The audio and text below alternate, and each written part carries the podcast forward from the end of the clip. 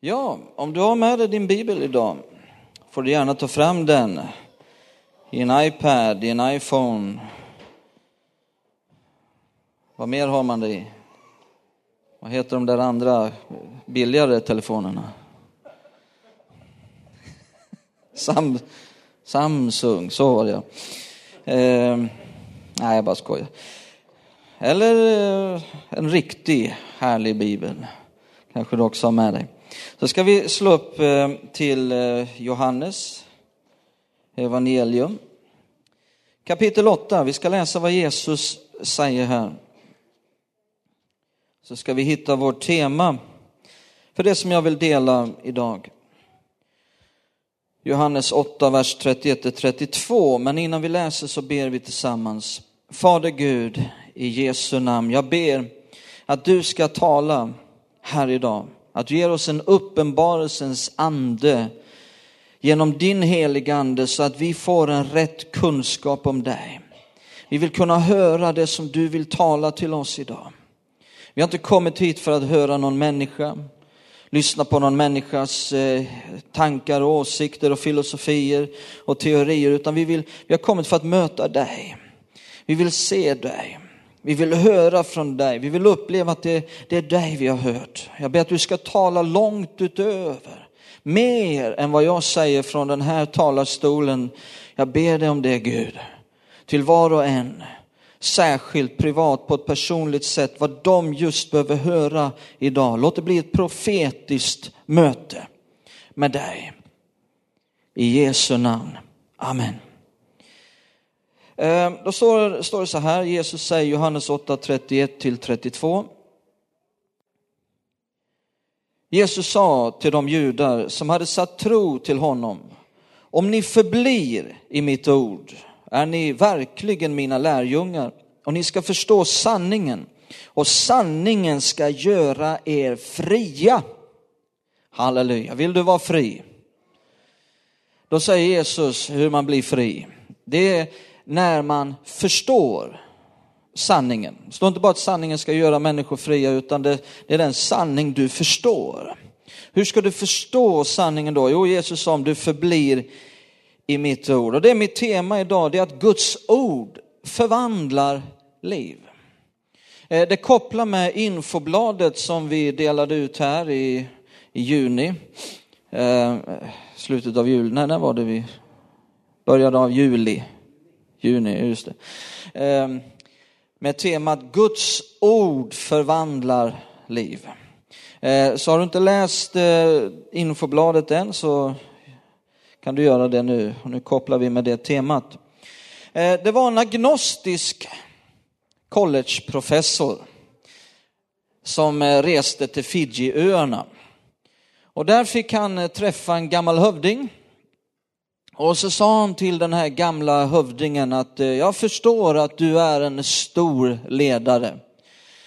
Eh, det är bara så tråkigt att ni har blivit så lurade av de här missionärerna. Eh, och att ni har börjat tro på Bibeln. De vill bara sko sig på er. Det är ingen som tror på Bibeln längre. Det, det, vi vet bättre i vår tid. Jag är så ledsen att ni har varit så dumma att ni har trott på det där. Då sa den där gamle hövdingen att eh, ser du den där klipphällen där borta? det var där vi brukade krossa huvudena på våra fångar. Och ser du sen den där ugnen där, det var där vi brukar steka kropparna på våra fångar. Eh, du borde vara väldigt glad Eh, för dessa missionärer. Om det inte hade varit för dessa missionärer att Jesu kärlek hade förvandlat våra liv så hade ni inte kommit levande härifrån. Eh, hade det inte, du borde tacka Herren för Bibeln. För hade det inte varit för den så hade vi redan varit igång och käkat på dig. Guds ord förvandlar liv. Jesus sa, om ni förblir i mitt ord så ska ni förstå sanningen och sanningen ska göra er fria. Eh, jag tror inte att någon vill vara bunden fången, eh, förslavad, fängslad, nedtyngd, slav som släpar på bojor och kedjor och ok. Eh, Jesus förklarar hur du kan bli fri. Det enda sättet att bli fri och hur du kan förbli fri. Han säger förbli i mitt ord. En av de mest inflytelserika personerna i USA på 1800-talet, han hette Horace Greeley. Eh, jag vet inte om du har hört talas om honom, men han sa så här. Det är omöjligt att mentalt eller socialt förslava ett bibelläsande folk. För Bibelns principer är grunden för människans frihet. Det är väldigt bra ord. Ehm, Jesus säger om ni förblir, titta på det här ordet förblir, om ni förblir i mitt ord. I den grekiska texten, eh, det här ordet som översatt här med förblir är meno. Eh, det här ordet kan lika gärna översättas med bo i eller leva i.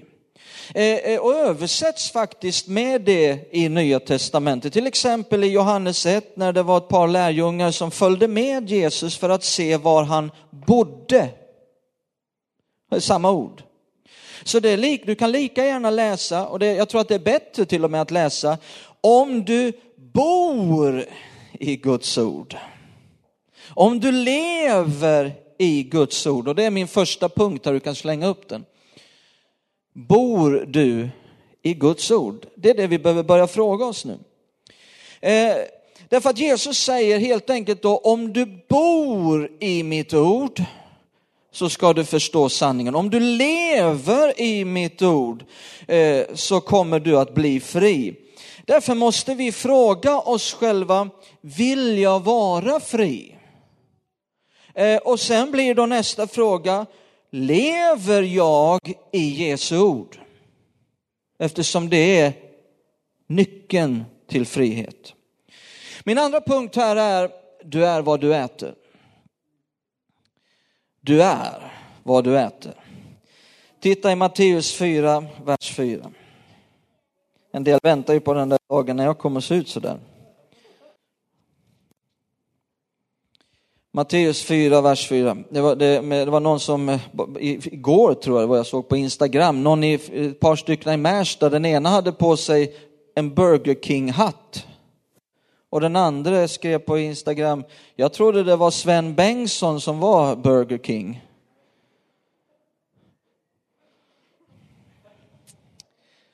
Ja, en del har, behöver bli fria som sagt var. Matteus 4, vers 4. Då står det så här.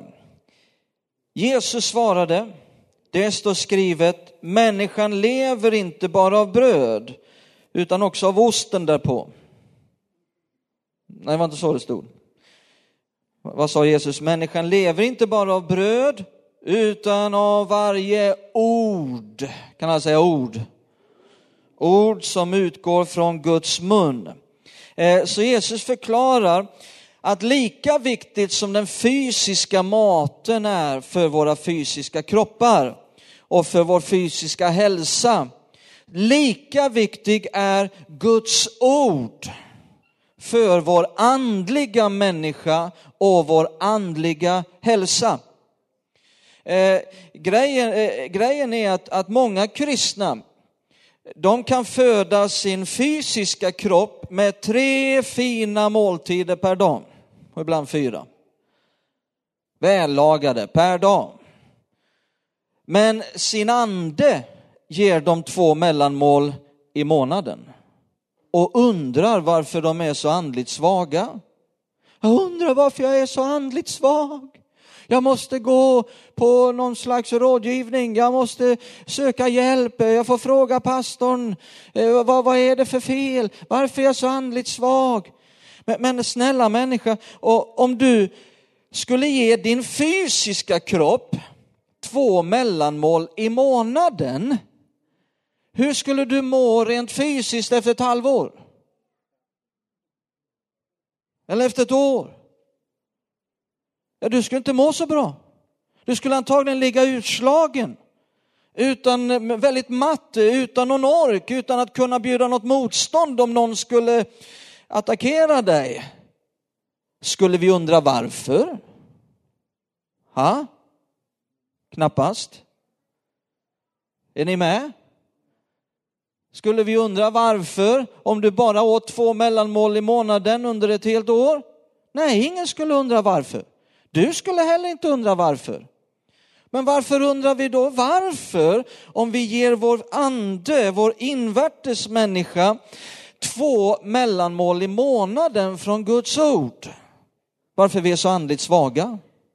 Varför är jag så andligt svag? Ja men snälla du, jag har ju inte ätit. Jesus sa människan lever inte bara av bröd utan av varje ord som utgår från Guds mun. Du behöver helt enkelt börja betrakta Guds ord, Bibeln, som mat. Hur hanterar du mat? Så behöver du hantera Guds ord.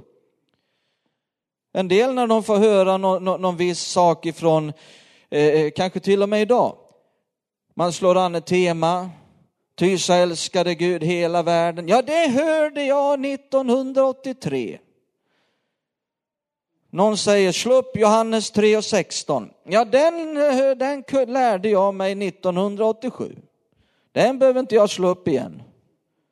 Den behöver inte jag läsa igen. Det har jag hört förut. Och så slår man nästan dövörat till. Men, men då betraktar man inte Bibeln som mat. Hur betraktar du mat? Kommer du in i en restaurang och så har de en meny där, dagens rätt, rutt, du ska, nej inte alltihopa, dagens rätt.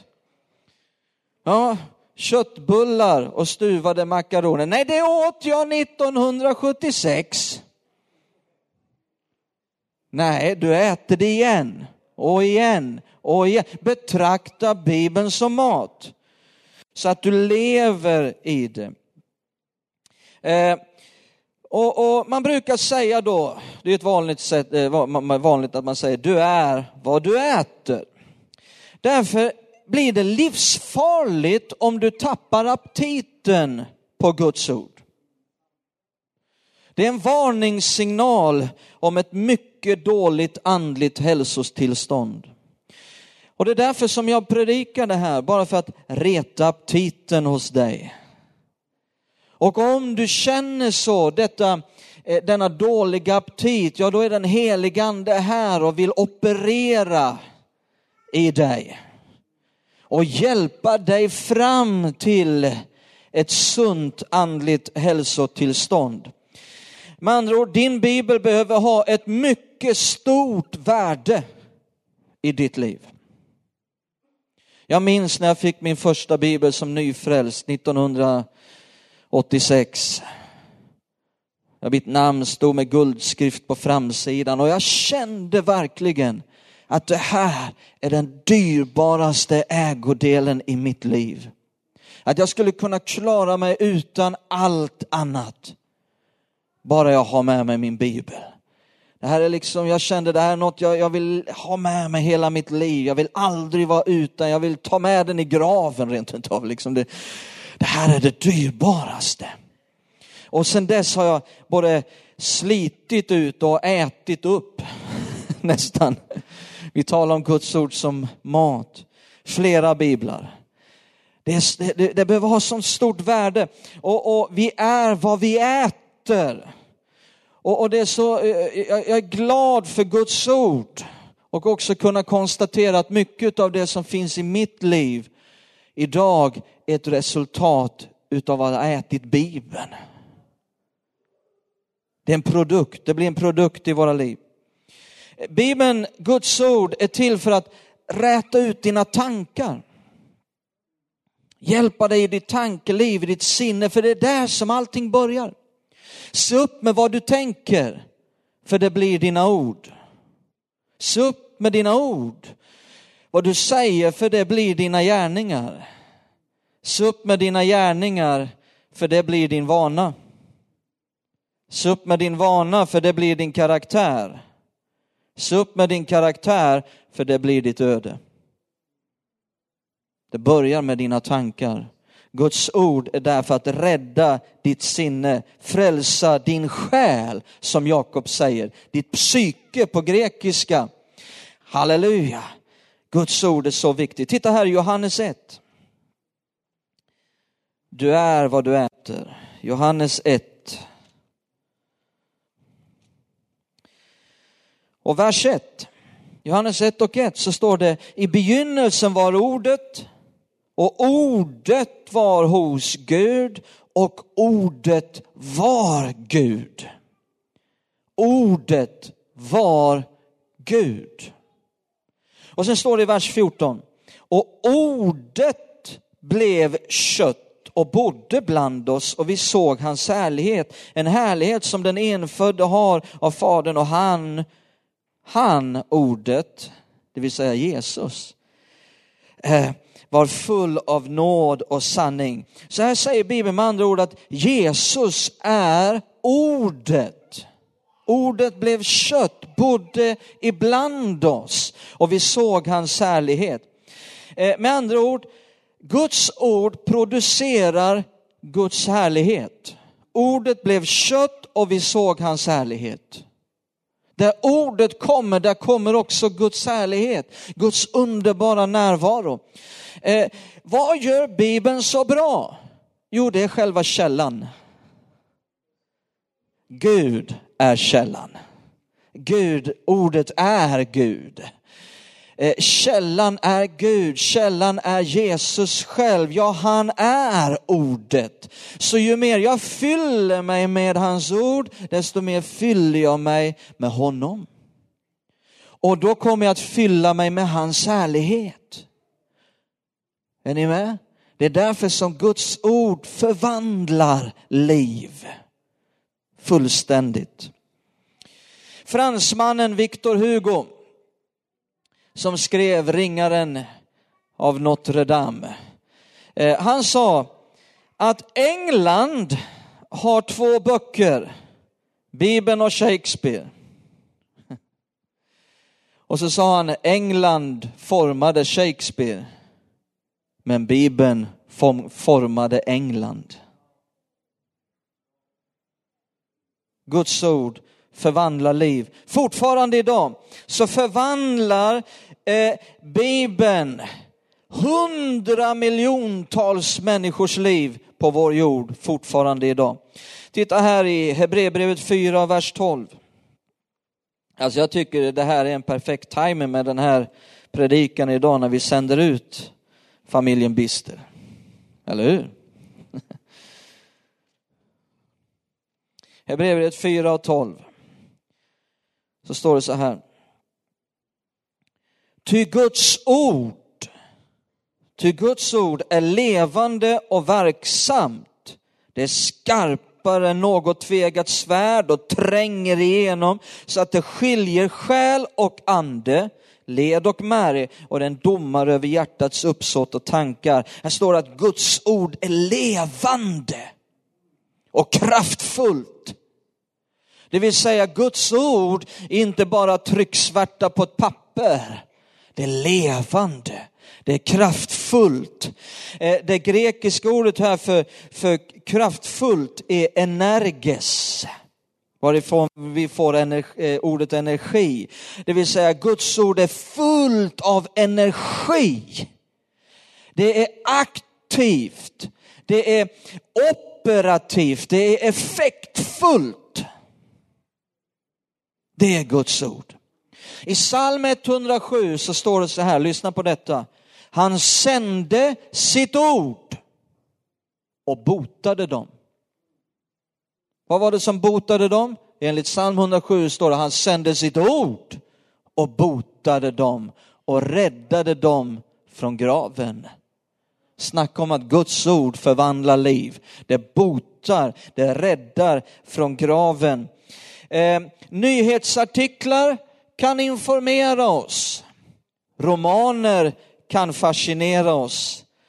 Poesi kan eh, beröra oss, men bara Guds ord kan förvandla oss. Det är bara Guds ord som förvandlar liv. Titta i Johannes 15 och vers 7 så ska vi se en tredje sak. Det första var, bor du i Guds ord? Det andra var, du är vad du äter. Här kommer min tredje punkt. Att Guds ord producerar bönesvar.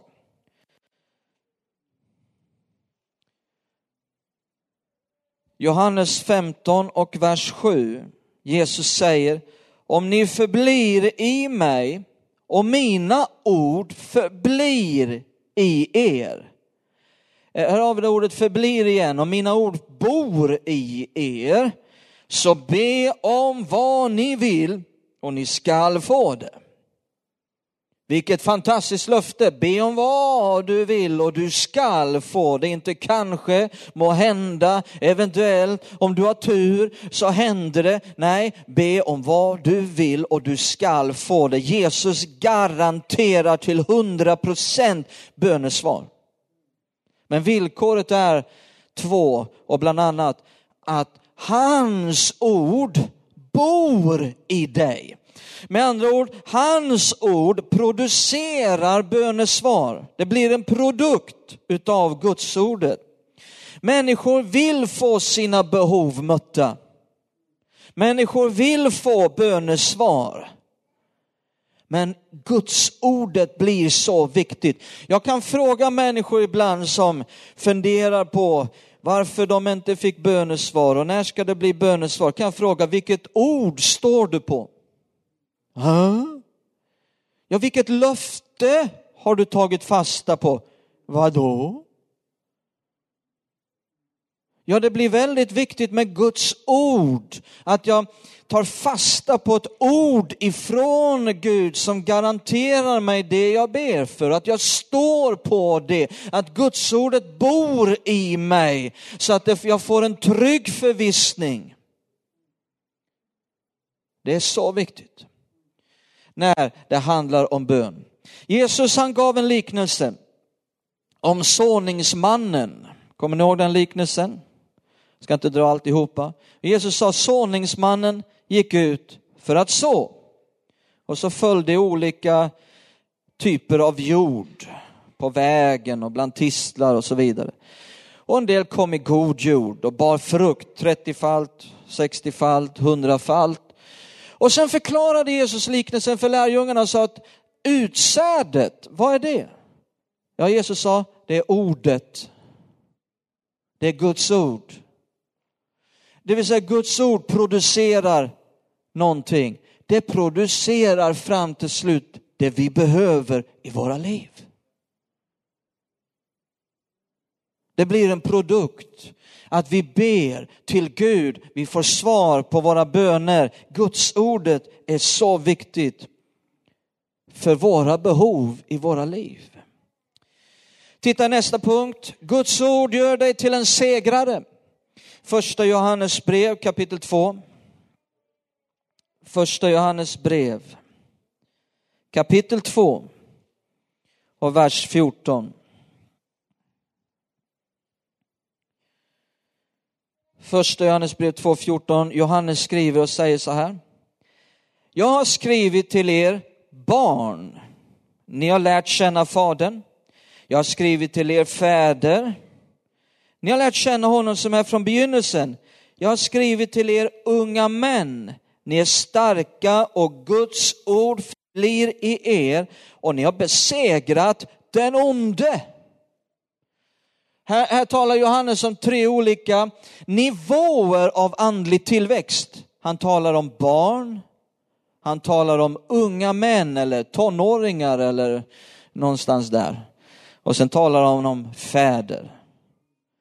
Och så säger han om dessa unga, de har vuxit en bit, de har inte blivit fäder än, men de är inte heller barn, utan de har kommit en bit i sin, i sin andliga tillväxt. Och så säger han, jag skriver till er unga män, ynglingar står det i andra översättningar, ni är starka. Ni är starka, varför då? Guds ord förblir i er. Och så står det, ni har övervunnit eller besegrat den onde. Vet du om att det finns en som är den onde? Jesus talade om honom. Hela Bibeln talar om honom. Den onde. Det står talas om djävulens listiga angrepp. Men här står det talas om några som har besegrat den onde. Varför det? Guds ord förblir i er. Återigen, låt oss läsa istället för förblir, bor i, lever i. Guds ord bor i er och har orsakat detta. Eh, det står inte här att Guds ord besökte er. När jag sa Guds ord bor i er. Det är en väldig skillnad på att besöka och bo någonstans. Det kanske vissa är glada för, som är glada när gästerna gick hem. Man börjar nästan ana att, bor de här? Nej, det är en väldig skillnad på att besöka och bo. Eh, någon kanske besökte dig för elva år sedan och du kommer ihåg besöket fortfarande och kanske minns det med glädje. Men det är en helt annan sak om någon bor hos dig eller de du bor tillsammans med, de känner du utan och innan. Eh, eh, och det står inte här att vi blir starka och besegrar den onde om Guds ord kommer på besök hos oss för elva år sedan. Och tyvärr är det så för allt för många kristna att Guds ord besökte dem för elva år sedan. De kanske minns detta med glädje. Och kanske till och med lurar sig eh, eh, i detta att de minns ett besök, de minns någonting som hände för elva år sedan, de minns någonting de hörde då och därmed tror de att de är fyllda av Guds ord, att de kan Guds ord. Men det är en helt annan sak när Guds ord bor i oss. Och vi bor i ordet. Du vet inte Guds ord i bakhuvudet, någonting du minns från fjärran tid som kommer att hjälpa dig. Det är när du är fylld av Guds ord. Det är när Guds ord bor i dig, lever i dig, som det blir en avgörande skillnad i ditt liv. Vill du vara fri? Det är det vi talar om idag. Vill du vara fri? Nästa fråga är, bor du i Guds ord? Om Johannes skulle skriva ett brev i vår tid, kanske han skulle behöva skriva, jag skriver till vissa i kristenheten. Jag skriver till er 30-åriga bebisar. Guds ord förblir inte i er. Ni är svaga och den onde har besegrat er. Hallå? Det är så allvarligt. Det är så viktigt som Guds ord är för våra liv. Det enda alternativet till att vara fylld av Guds ord är att vara bunden. Jesus sa om ni förblir i mitt ord, om ni bor i mitt ord, då ska ni förstå sanningen och sanningen ska göra er fria. Det finns bara ett alternativ till att vara fylld av Guds ord, det är bundenhet. Därför behöver du bli mer bibelsprängd. Hallå? Bibelsprängd ska inte vara ett epitet på en av tusen kristna. Ja, det är det han den där bibelsprängda. Du behöver bli bibelsprängd. Bibelgenomsyrad mer än någonsin. Bibeln liknar Guds ord vid ett svärd. Har du läst det någon gång? Det står att Guds ord, Paulus säger det i Efesierbrevet 6, Guds ord är andens svärd. Du behöver se det som ett vapen mot den onde. Mot det som vill komma attackera dig i ditt liv. Eh, eh, eh och många, alltför många kristna är inte utrustade med ett vapen som de kan använda. Ni vet de här gamla revolvermännen i vilda västern. De kunde säga så här att om inte de hade sexskjutaren med sig så kände de sig nakna. De hade inte klätt på sig. De var nakna utan vapnet. Och jag tror att allt för många kristna står där nakna när djävulens listiga angrepp kommer. De har ingenting. Vad var det Jesus mötte djävulen med i varje strid? Kommer ni ihåg det? Djävulen frestade Jesus, tre stycken frestelser och varje gång sa Jesus, det står skrivet. Det står skrivet. Då sa djävulen, det står skrivet. Då sa Jesus, det står också skrivet. Så du behöver inte bara veta vad som står skrivet, du behöver också veta vad som också står skrivet. För att vinna seger.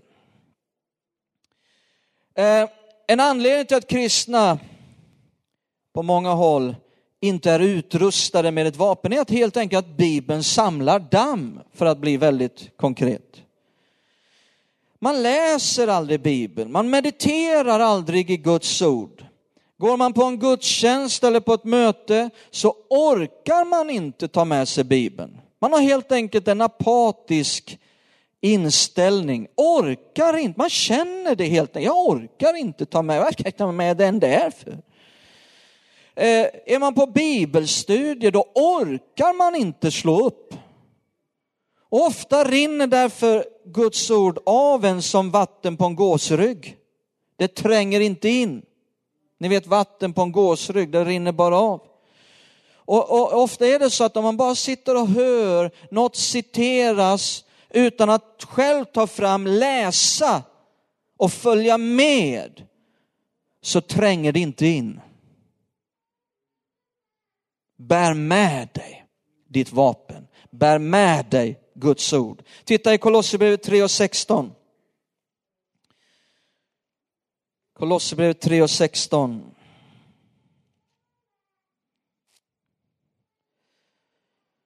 Då står det så här. Låt Kristi ord rikligt bo. Kan han säga bo? Nu är vi där igen. Jag har en bror som heter Bo. Men inte han vi talar om nu.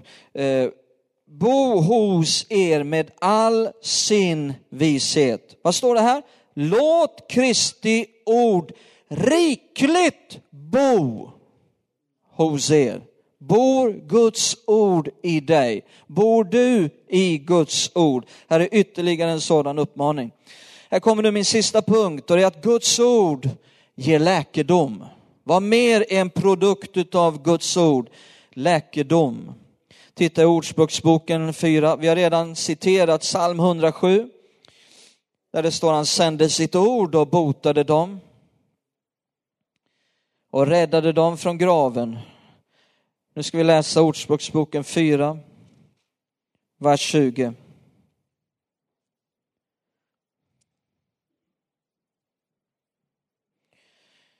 Ordspråksboken 4, vers 20. Där står det, min son, ta vara på mitt tal. Vänd ditt öra till mina ord. Låt dem inte vika från dina ögon. Bevara dem i ditt hjärtas djup, ty de är liv. Vi talar om förvandlade liv. De är liv. Guds ord förvandlar liv därför att de är liv för var och en som finner dem. Du måste finna det. Ibland är det med Guds ord som med, med en guldgruva. Att ska du bli verkligen rik, det finns skatter som förvandlar liv. Men ska du verkligen nå de riktiga skatterna så måste du gräva. Det vet de här som eh, ville bli rika på guld i Alaska, eller i Amerik, Nordamerika på 1800-talet. Det fanns en del, de sprang och vaskade i, i, i bäcken. Där stod de lite så här med någon sand i någon, liksom. Och, och ett fåtal, någon enstaka kunde hitta någon liten klump. Men skulle man bli ordentligt rik, då räckte det inte med någon liten vaskpanna i bäcken. Då var man tvungen att ner i berget. Då var man tvungen att göra gruvor, då var man tvungen att ner, där var de riktiga skatterna, hallå? Det är, ska du bli rik, Ska du verkligen finna skatten som förvandlar liv, då behöver du gräva. Du behöver ta tid, inte stå där och vaska lite snabbt. Behöver du gräva. Eh, det är liv för var och en som finner dem och en läkedom, står det, för hela hans kropp. Andra översättningar gör klart att det, det faktiskt står i grundtexten läkemedel. Läkemedel. Medicin, säger någon översättning. Helt enkelt, Guds ord är medicin för din kropp, står det här. Halleluja! Eh, så vi har redan sagt här att du behöver betrakta Guds ord som mat, på samma sätt som du hanterar mat, eh, som ett vapen. Och nu kommer ytterligare någonting. Du behöver betrakta Guds ord som medicin. Hur hanterar man medicin? Eh, jag vet en kvinna som kom för några år sedan. Jag hade aldrig sett henne förut, bodde någon annanstans. Men eh, kom på besök, ville få ett bokat samtal, hennes man följde med. Jag förstod att hon mådde inte bra, djupt deprimerad, hade varit i djup depression under väldigt lång tid och hon satt där påbyltad med någon stor täckjacka och mössa, liksom, man såg henne knappt, liksom. hon var så innesluten och, och, och, och så här. Och, och så började hon berätta om mycket svårt i sitt liv och jag kände medlidande och kärlek och att Gud ville hjälpa henne. Och, och, och, men jag visste inte vad jag skulle säga. Kände mig väldigt, tyst, jag bara, bara satt tyst och pratade. Och, och till slut så hörde jag i mitt inre vad jag skulle säga till henne. Så jag sa, när tog du din medicin senast? Va? Ja, när tog du din medicin senast? Ibland så kan man liksom hålla människor på sträckbänken lite så att de får tänka. Ja, alltså, när, när tog du din medicin senast? Hon fattade inte alls vad, vad jag pratade om. Varför lägger jag mig i det? Jag kunde se de här tankarna i huvudet, liksom stort frågetecken. Ja, din medicin blir viktig. När tog du den senast? Så när jag hade henne, liksom, hela hennes uppmärksamhet och väldigt frågande så sa jag, har du aldrig läst att Guds ord är medicin? Eh, så jag sa, nu, nu ska jag ge dig en ordination. Eh, så jag gav henne ett, ett antal bibelställen att meditera på och begrunda, tugga varje dag. Jag sa, tages tre gånger dagligen. Och det var det hon fick med sig hem. Hon åkte hem. En månad senare, från både någon annanstans, en månad senare fick jag ett brev med 500 kronor i. Och ett brev. Och naturligtvis, jag behöll inte de 500 kronorna om du tror det. Gav dem där det hör hemma. Det är ju Guds ord. Det är Guds pengar. Men det är en annan story. Men i alla fall, i brevet så sa hon att jag vill bara tacka dig. Jag gjorde precis det du sa. Jag åkte hem.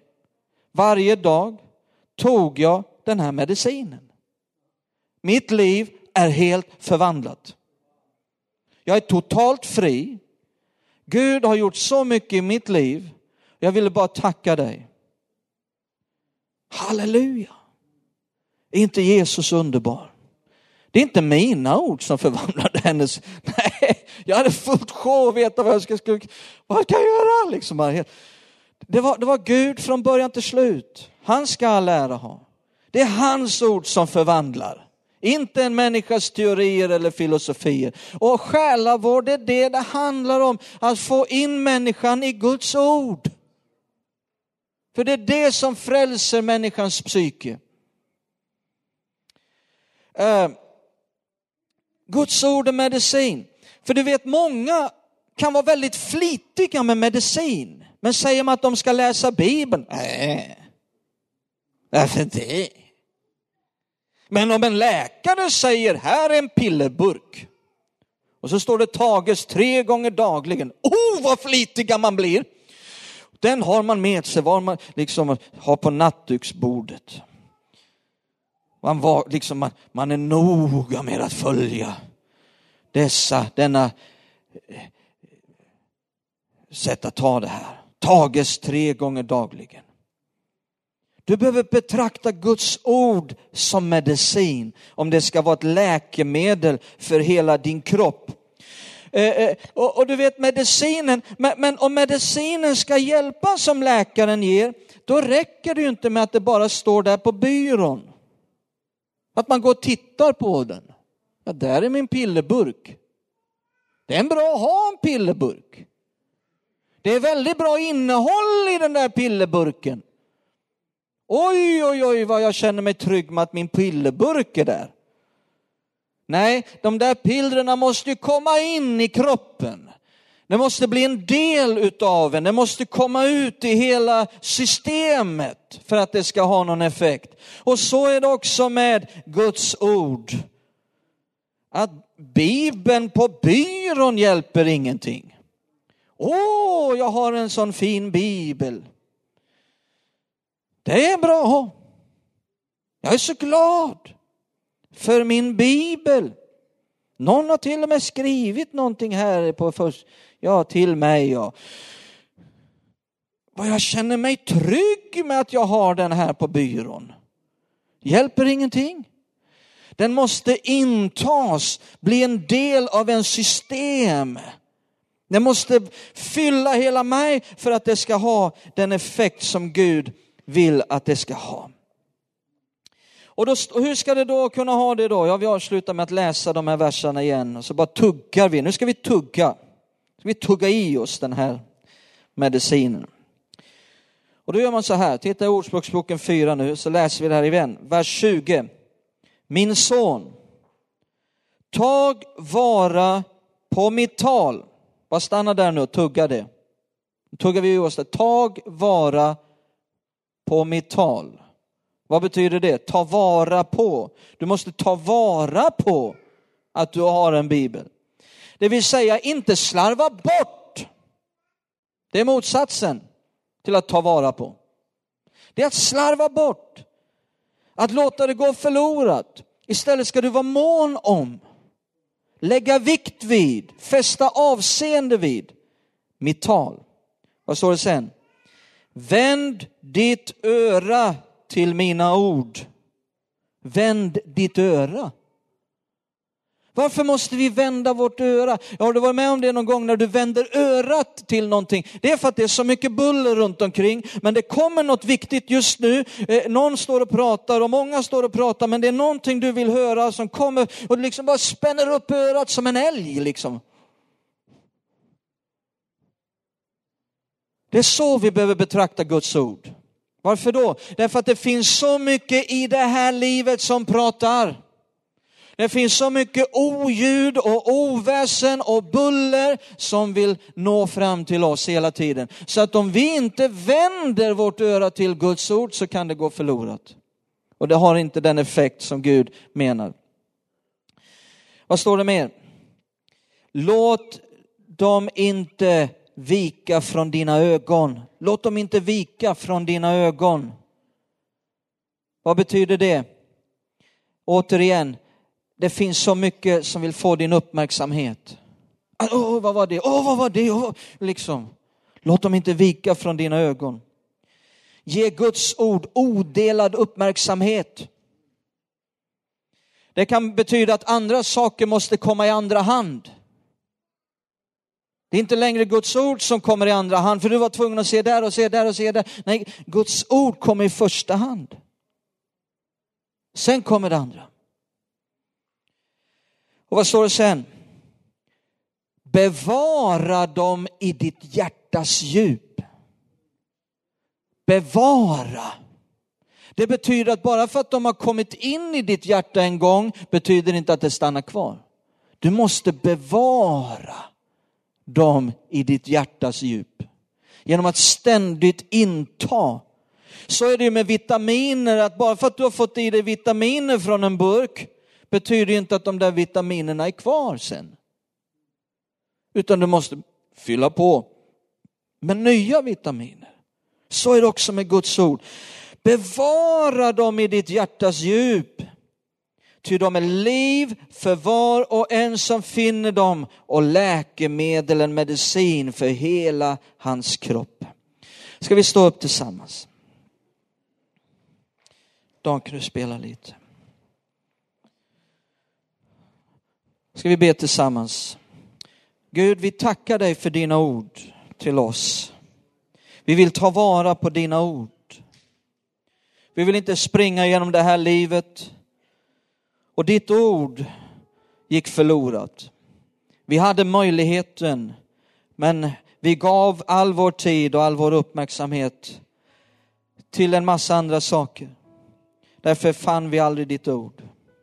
Nej, vi vill inte det Gud, utan vi vill att Jesu ord ska förbli i oss, bo i oss.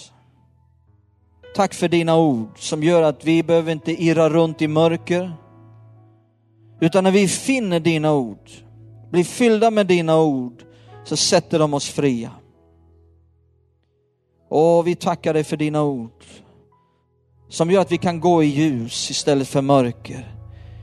Inte gå vilse och bli förvirrade, utan gå i klarhet och fasthet. Vi vill bara bestämma oss här idag, Gud, att ta vara på ditt tal. Tack att du har gett oss ditt ord. Tack att du inte sitter tyst som en Gud av trä eller sten. Tack att du talar. Din röst vill vi höra. Dina ord vill vi ska forma våra liv. Tack himmelske Fader. Allra sist här i gudstjänsten vill jag ge en inbjudan. Det viktigaste vi gör här. En inbjudan till var och en som säger Sven, jag är inte detta som ni kallar frälst. Men jag skulle vilja bli en kristen. Jag skulle vilja ta det steget. Jesus är här idag. Han sa, där två eller tre samlas i hans namn, där är han mitt ibland oss. Jesus gav, gav också löftet, jag är med er alla dagar inte tidens ände. Han är här. Gud är här. Med den största gåvan som en människa någonsin kan få ta emot. Jesus sa också, jag står vid dörren och bultar. Den som hör och öppnar, till honom skall jag gå in och hålla måltid. Jesus är här, Gud är här. Gud ser dig. Med full kärlek, med full nåd. Men det finns också någonting som du behöver göra utav att välkomna in och säga ja. Jag vill att du ska komma in i mitt liv. Då kommer Jesus in i ditt liv med en gåva som är evigt liv. Att himlen blir ditt hem. Där du får komma den dag du slutar det här livet på jorden. Den gåvan är förlåtelse, rening från allt det där som du ångrar, som du skäms över. Det är ett nytt liv. Det är en mening med livet. Den här gåvan är så stor. Här idag vill jag göra en inbjudan till var och en som vill säga ja tack.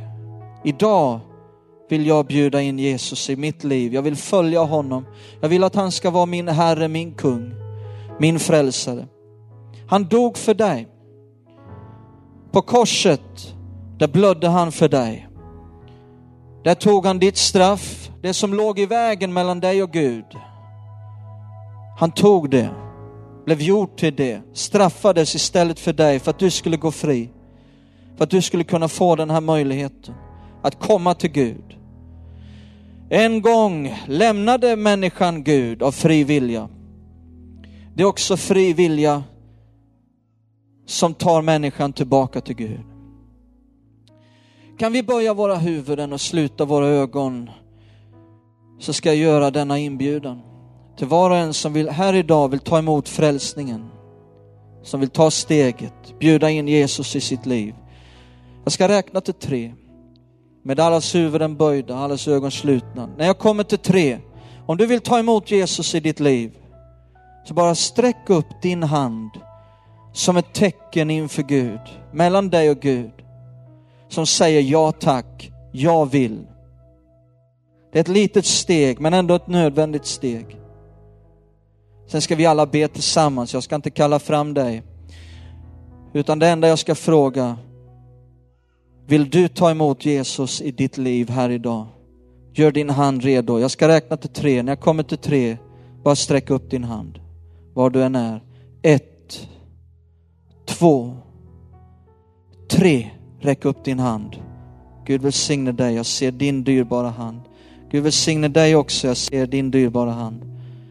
Finns det någon mer som ska förenas med dessa två? Vi ska alldeles strax be en bön om frälsning. Vi ska be den alla tillsammans. Men jag väntar lite, finns det någon mer? Sträck upp din hand nu, var du än är. Gud, jag, Gud välsigne dig, jag ser din hand. Den är dyrbar. Du tar ett viktigt steg här idag. Det första steget på ett nytt liv, ett förvandlat liv. Ett helt nytt liv. Äventyr med Gud. Gud har en plan för dig. En fantastisk plan, han vill använda dig. Men du behöver ta första steget in i det här livet. Bestämma dig för att följa din mästare. Vad, vad än andra människor säger. Vad grupptrycket än säger. Om andra är fegisar och inte vågar ta det här steget, du vågar ta det här steget. För du vill bestämma själv över ditt liv. Och inte bara följa med massan, följa med folk, folkskaran som, där man håller på och kollar in varandra. Utan du, du vågar gå en egen väg med Jesus. Finns det någon mer som ska förenas med dessa tre här idag?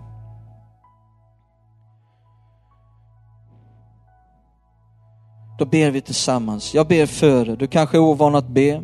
Då kan du bara be efter mig. Vi ber så här. Himmelske Fader, i Jesu namn jag ber till dig. Du är Gud. Du är den enda guden. Den sanna guden. Du är vår skapare. Jag vill komma till dig idag. Förlåt mig alla mina felsteg. Tack att jag får komma precis som jag är. Jag vill bara säga, forma mitt liv som du vill att det ska vara. Jag vill vara ditt barn. Jag vill få tillhöra ditt rike. Jesus, jag vill att du ska vara min kung. Min Herre. Min frälsare. Och jag vill följa dig som din lärjunge resten av mitt liv och in i all evighet. Tack Gud att jag får ta emot frälsning idag. Tack att jag från och med idag får tillhöra dig. I Jesu namn. Amen. Jag vill också säga att Jesus sa så här.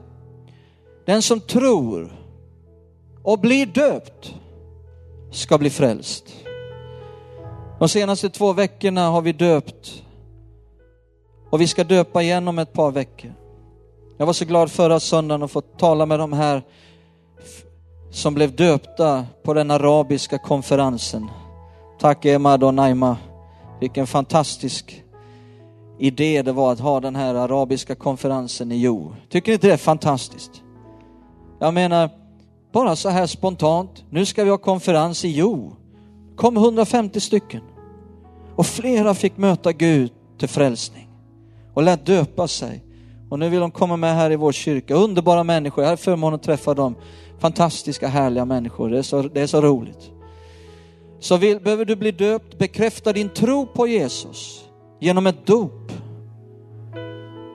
Så kan du bara prata med oss eller med någon vän här. Så är vi de som är med och glädjer oss. Vi avslutar vår gudstjänst här. Eh, Simon, varsågod. Vi ska få någon sång.